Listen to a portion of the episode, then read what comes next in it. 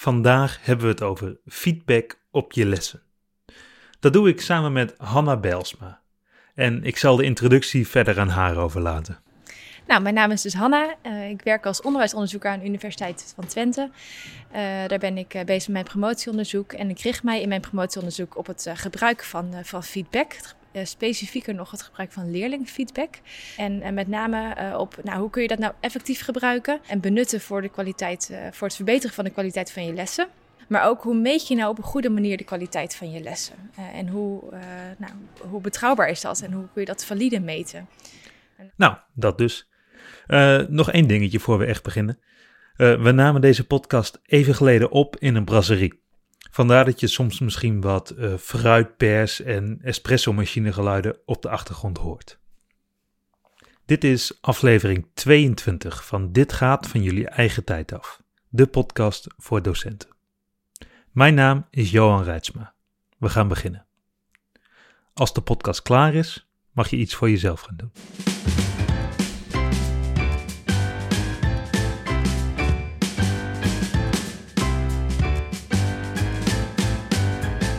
Jij onderscheidt uh, drie perspectieven als we het hebben over uh, feedback geven op je lessen. Zou je die kunnen benoemen en even kort willen toelichten? Ja, zeker. Het is heel belangrijk om van verschillende perspectieven feedback op je lessen te ontvangen. Vaak wordt gebruik gemaakt in het onderwijs uh, van lesobservaties. Dan komt er bijvoorbeeld een schoolleider in de klas kijken en die geeft een, op basis van een observatielijst op een aantal lesaspecten feedback. Maar het is best wel lastig om een goed en betrouwbaar beeld te krijgen van de les op basis van lesobservaties. Uh, nou ja, het zou heel mooi zijn als uh, er meerdere lessen worden geobserveerd. En eigenlijk zouden die lessen ook beoordeeld moeten worden door meerdere observatoren. En dat is ja, vaak tijdrovend en niet echt realistisch in het onderwijs. Een andere manier om feedback te ontvangen op je lessen is om gebruik te maken van leerlingperceptie van leskwaliteit. Um, je hebt vaak meerdere, uh, meerdere, leerlingen in de les, dus meerdere observanten. Uh, maar je kunt de observaties ook vaker uitvoeren, omdat je leerlingen gewoon heel vaak ziet in de week. Vaak wel twee of drie keer in de week in het voortgezet onderwijs. Dus dat maakt het gebruik van leerlingpercepties heel efficiënt. Nou, daarnaast is uh, het perspectief van leerlingen op de les ook interessant, omdat je uh, het perspectief van de doelgroep meet. En leerlingen geven vaak een hele, ja, een hele waardevolle, waardevol beeld over de kwaliteit van jouw les, die je kunt gebruiken om je les uiteindelijk te verbeteren. Nou, en een derde perspectief is het uh, gebruik van, uh, van je eigen oordeel over de les als leerkracht. Uh, soms heb je als leerkracht ook bepaalde ideeën en overwegingen om iets wel of niet te doen in de les, die vaak niet gezien worden door een observator of door leerlingen. En door je eigen perceptie te vergelijken met dat van leerlingen en dat van een observator, kun je ook die feedback beter begrijpen en kun je ook goed uitleggen waarom je iets wel of niet gedaan hebt. Dus elk van die manieren om, een om feedback te ontvangen op je, op je lessen, die hebben voor- en nadelen. Geen van, van hen is perfect, maar alle drie de perspectieven samen kunnen een hele mooie, uh, heel mooi beeld geven over uh, nou ja, de kwaliteit van de les. En dus een hele waardevolle feedback voorzien. Het is mooi, zeker in theorie is dat uh, prachtig mooi. ik vind het in de praktijk ook mooi, maar ik ga het toch een beetje advocaatje van de duivel spelen. Mensen vinden het ook wel, en vaak toch ook wel lastig om heel zeg maar, proactief te gaan vragen om feedback. Uh, terwijl uh, dat eigenlijk wel uh, nodig is. En ik kan me zo voorstellen dat juist docenten het belang van feedback zouden moeten kennen, maar dat liever niet op zichzelf betrekken. heb jij het idee dat er een hoge drempel is? Het is heel spannend om feedback te ontvangen. niet alleen over, over je lessen, maar ik denk dat dat geldt voor in het algemeen. Um, en dat komt omdat je eigenlijk een spiegel voor gehouden wordt. Uh, je wordt uh, door iemand anders wordt er verteld wat je goede kanten zijn over de les, maar ook wat je verbeterpunten zijn. En waarin je dus, nou, wat je eigenlijk je zwakke kant is van de les. En dat is, dat is lastig om te horen. En, en met name als je het vanuit die drie perspectieven bekijkt, zul je soms dingen te horen krijgen waarvan je, nou ja, denkt van ja, maar um, nou, dat vind ik zelf niet. Of kijk daar zelf anders tegenaan. En dat maakt het ontvangen van feedback vaak uh, lastig. En uh, dat is ook de reden waarom het misschien niet zo vaak gedaan wordt in het onderwijs. Je noemt je, je laat ook een beetje je zwakke kant zien daarmee. In gesprekken met docenten merk ik vaak dat ze dat liever niet willen laten zien. Zeker niet aan leerlingen. Omdat er een soort angst is dat ze daarop gepakt worden, zeg maar. Denk je dat als we dit goed organiseren, dat we dat kunnen voorkomen? Dat, is er voldoende veiligheid, denk je, om feedback te vragen op deze manier? Um, het, de veiligheid uh, is heel belangrijk op een school. Hè? De, de, een, een, goede basis om feedback te ontvangen, maar ook om feedback te geven, is dat er een goede feedbackcultuur op een school is. En zo'n feedbackcultuur, um, uh, ja, dat, dat kan eigenlijk alleen maar plaatsvinden als je goede, uh, goede veilige basis hebt. Waarop leerkrachten uh, feedback durven te geven, maar ook durven te ontvangen. Waarin er gesproken wordt over de feedback met collega's onderling. Um, waarover ook gesproken wordt met de feedback van leerlingen, met de leerlingen zelf. Dat leerlingen daar ook gewend aan zijn. En daarin speelt de schoolleider een essentiële rol. De schoolleider, de, de, de, de, cultuur op een school, dat er gefaciliteerd wordt, dat er ruimte wordt gegeven om de feedback ook uh, te, uh, te, interpreteren en te analyseren. En dat je ook de ruimte hebt om de feedback te benutten. Dat je de ruimte hebt om fouten te maken en daarvan kunt leren. Dat is die veiligheid die heel belangrijk is op een school om feedback goed te kunnen benutten. laten we het wat concreter maken. Hanna ontwikkelde een app om effectief met de feedback de zogenaamde Impact Tool. En op die tool komen we later nog wel even terug, maar laten we eerst kijken naar de inhoudelijke basis van die tool.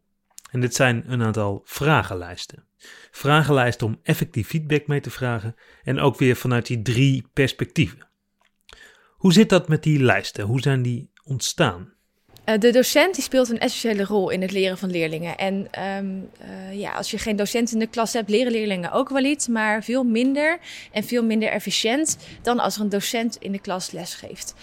Um, voor de ontwikkeling van de vragenlijst hebben we dus uh, met name gekeken naar wat een docent doet in de klas. Omdat de feedback die docenten krijgen relevante informatie moet opleveren voor de leskwaliteit van de lessen. Um, we hebben voorafgaand aan de ontwikkeling van de vragenlijst een literatuurverkenning uitgevoerd. Die inzicht geeft in uh, docent aanpakken die effectief blijken voor het leren van leerlingen. Nou, dat hebben we uh, aangevuld met onderzoek naar uh, de relatie tussen bijvoorbeeld didactische en pedagogische processen in de klas en leerlingprestaties. Dus eigenlijk docent-effectiviteitsonderzoeken. En dat heeft eigenlijk de basis gevormd voor het ontwikkelen van de vragenlijst. Um, voor het ontwikkelen van de leerlingperceptievragenlijst is het heel erg belangrijk dat leerlingen de vragen ook goed interpreteren.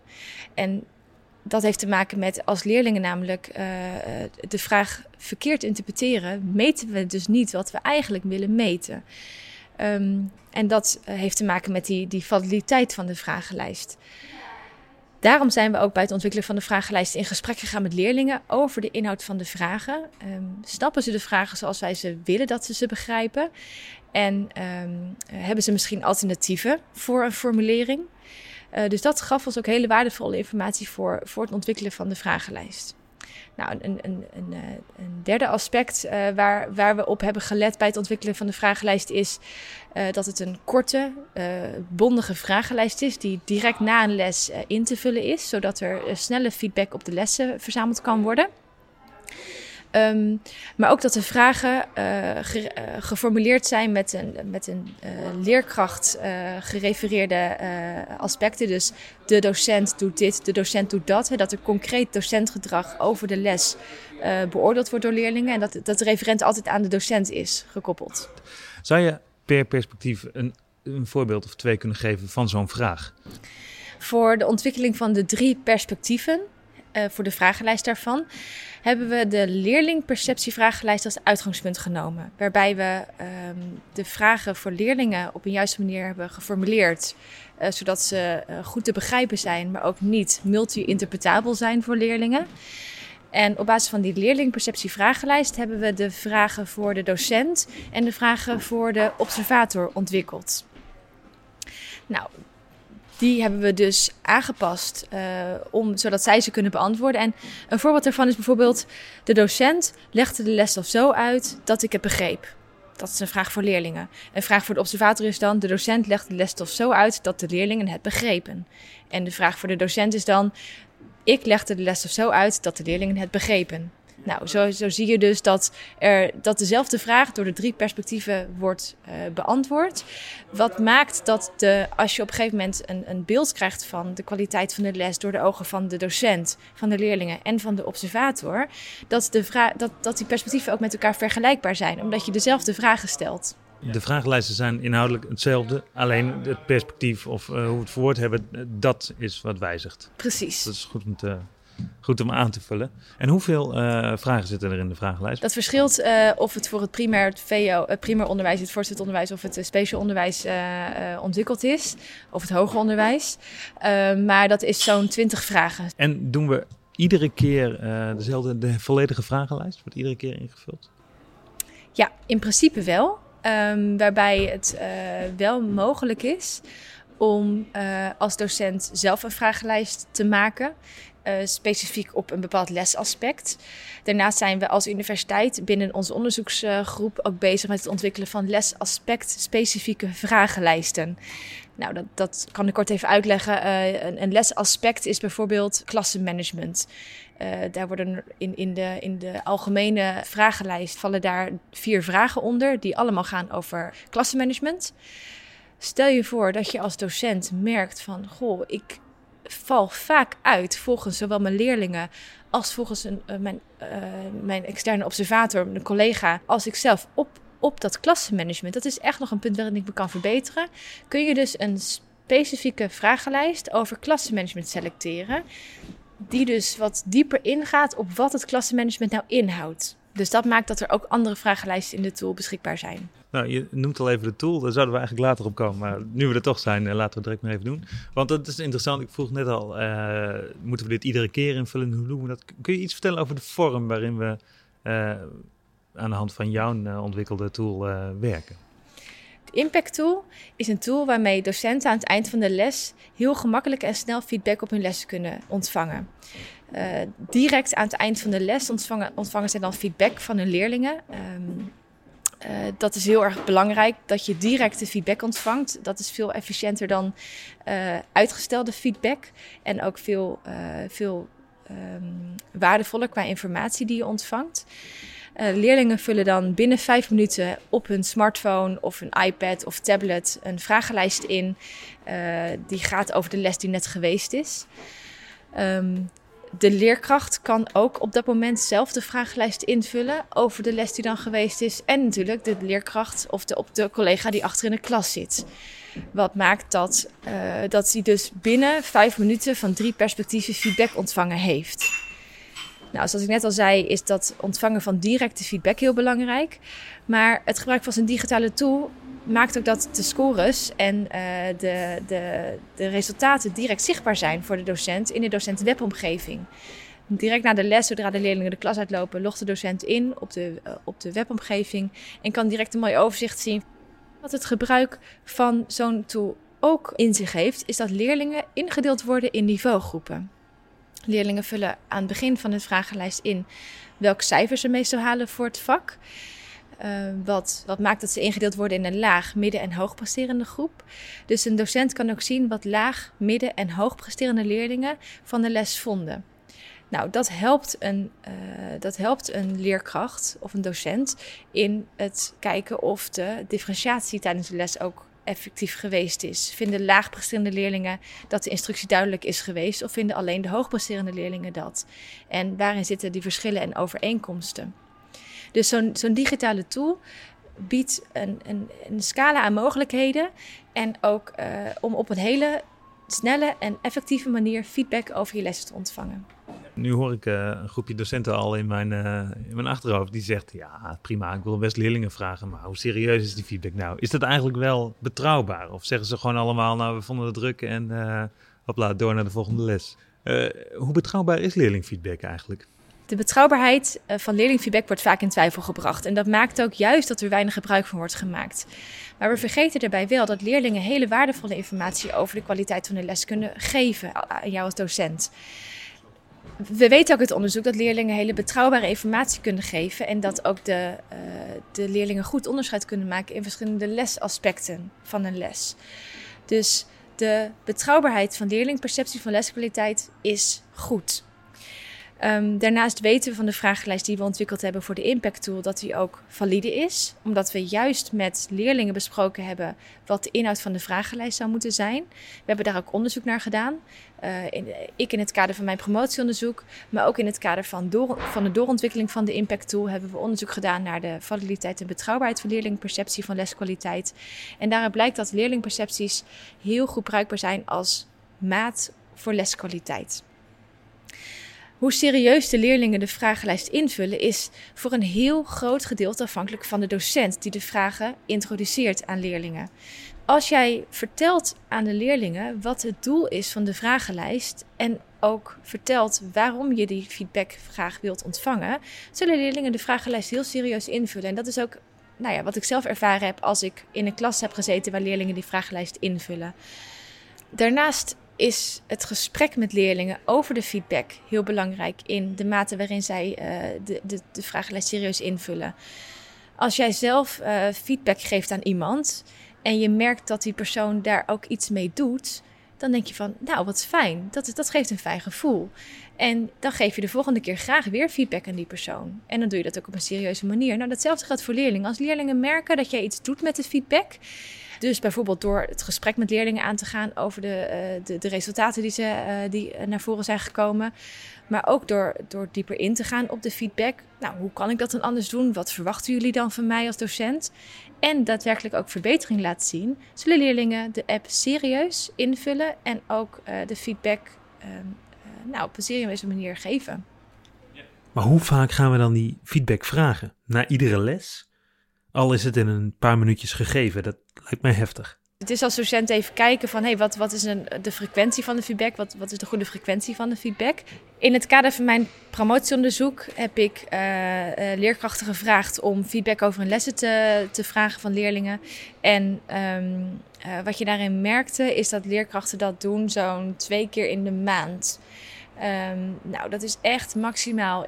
Je moet als docent ook uh, jezelf de tijd gunnen om verbetering te laten zien en om te werken aan verbetering. Want uh, ja, als je uh, op maandag feedback vraagt in les 1 van die week en op woensdag direct weer, ja, welke tijd heb je dan genomen om goed naar de feedback te kijken, om het te analyseren, te interpreteren en om ook daadwerkelijk verbetering, te werken aan verbetering?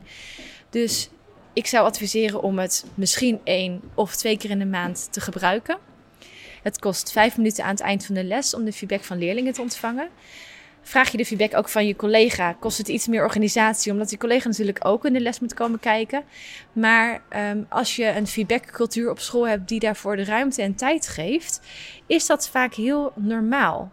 En zul je die tijd ook graag willen besteden om bij je collega in de klas te kijken of om het te organiseren dat je collega bij jou in de klas komt kijken. Want uh, ja, van feedback kun je alleen maar beter worden. En dan? We hebben het verzameld. En hoe gaan we dan duurzaam aan de slag met die feedback? Ja, ja, nou dat is eigenlijk wel de belangrijkste vraag die we ons moeten stellen. Hè? Dus hoe zorg je ervoor dat we niet alleen maar die feedback verzamelen, maar dat we ook de feedback benutten? Um, als je namelijk die feedback ontvangt en daar niks mee doet, dan is die feedback waardeloos. Het is dan alsof je in de spiegel kijkt en ziet uh, dat je haar niet goed zit. En vervolgens loop je gewoon de deur uit en doe je daar niks aan. Maar als je vervolgens iets eraan gaat doen, zullen andere mensen dat ook zien. En zullen dus dat ook gaan waarderen. Dus um, uh, feedback uh, ontvangen is één. En het feedback benutten is twee. En dat is denk ik wel het, het, het belangrijkste in dit hele verhaal van het, uh, het, gebruik van feedback in het onderwijs. En voornamelijk het effectief gebruik van feedback. Dat je je les ook daadwerkelijk beter maakt. Docenten hebben hulp nodig bij het benutten van het feedback. Uh, dit is ook wat we weten uit het onderzoek dat ik uitgevoerd heb uh, aan de Universiteit Twente.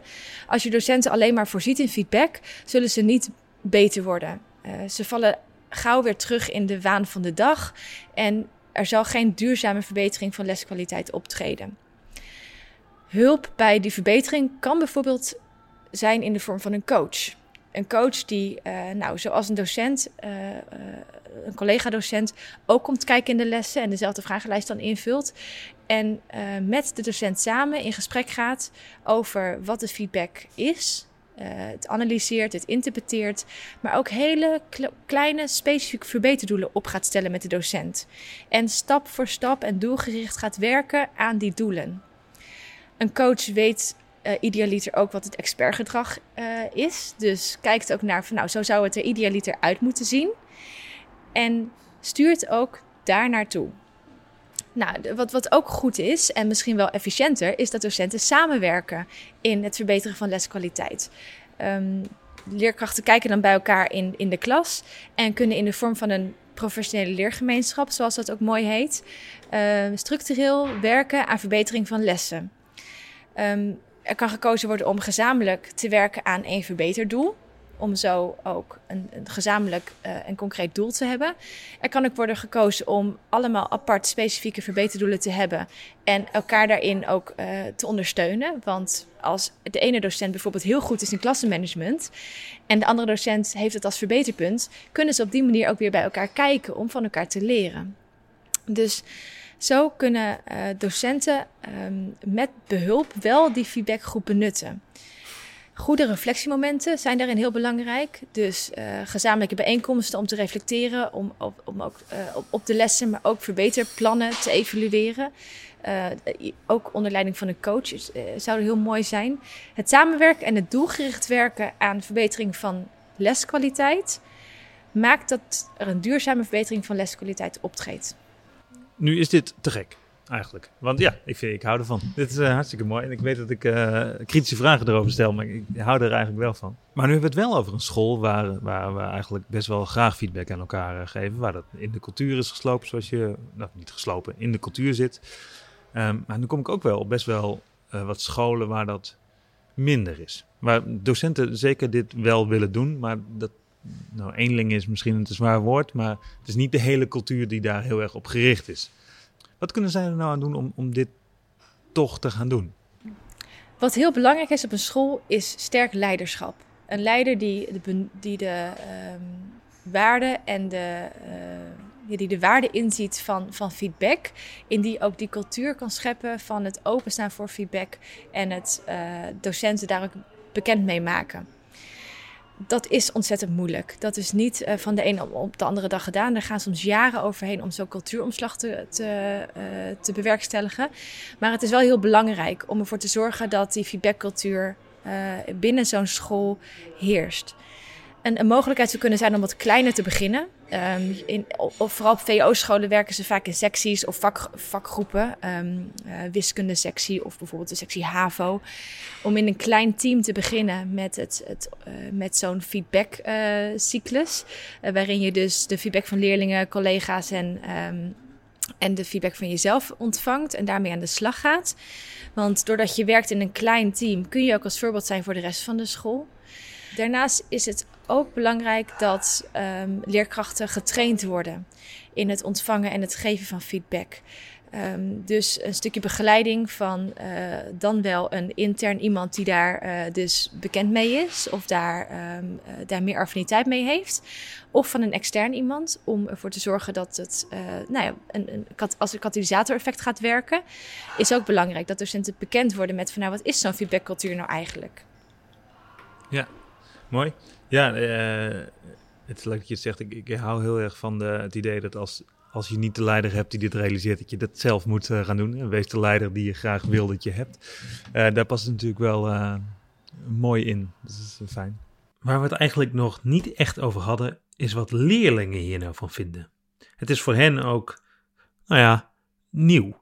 Zowel voor docenten natuurlijk spannend om feedback te ontvangen, maar voor leerlingen ook ja, raar misschien hè, om feedback te geven op je, op je docent over de les. Um, en uh, ja, dat is, dat is ook niet altijd fijn. Vaak zijn ze dan uh, bang dat een docent zich uh, hen gaat afkraken op de feedback die ze geven. En wat in deze tool dan belangrijk is, is dat het ook anoniem is. Dat leerlingen anoniem feedback geven. Dus dat het nooit achterhalen is wie de feedback heeft gegeven. Maar dat het ook heel erg mooi is dat het de band met leerlingen heel erg kan versterken. En dat het ook heel erg kan bijdragen aan hoe dat mooi heet, student voice. De stem van leerlingen in het onderwijs dat gegeven wordt. Wat niet alleen maar de band met leerlingen versterkt, maar leerlingen ook betrokkener maakt bij het onderwijsproces op scholen. Feedback geven zegt ook altijd iets over de gever, niet alleen over de ontvanger. Denk, ik denk dat uh, het heel erg mooi is uh, doordat je bij elkaar gaat kijken.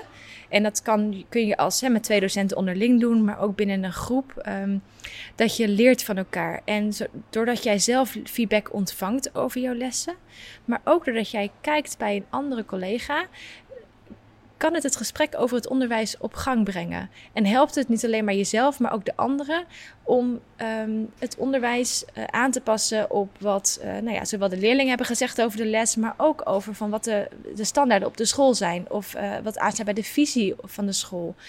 of wat, wat collega's bijvoorbeeld doen in de les. Um, dus uh, juist het kijken bij elkaar, het, het, het, uh, het hebben van het gesprek over het onderwijs helpt om zowel feedback te geven vervolgens weer aan je collega's, maar ook om de feedback die je ontvangen hebt van je collega en van leerlingen goed te kunnen begrijpen. Wil je meer weten over de Impact Tool, uh, blogs lezen of een training volgen om feedback op je lessen echt een plek te geven? Bezoek dan www.academyforlearning.nl. Tot zover. Je mag iets voor jezelf gaan doen.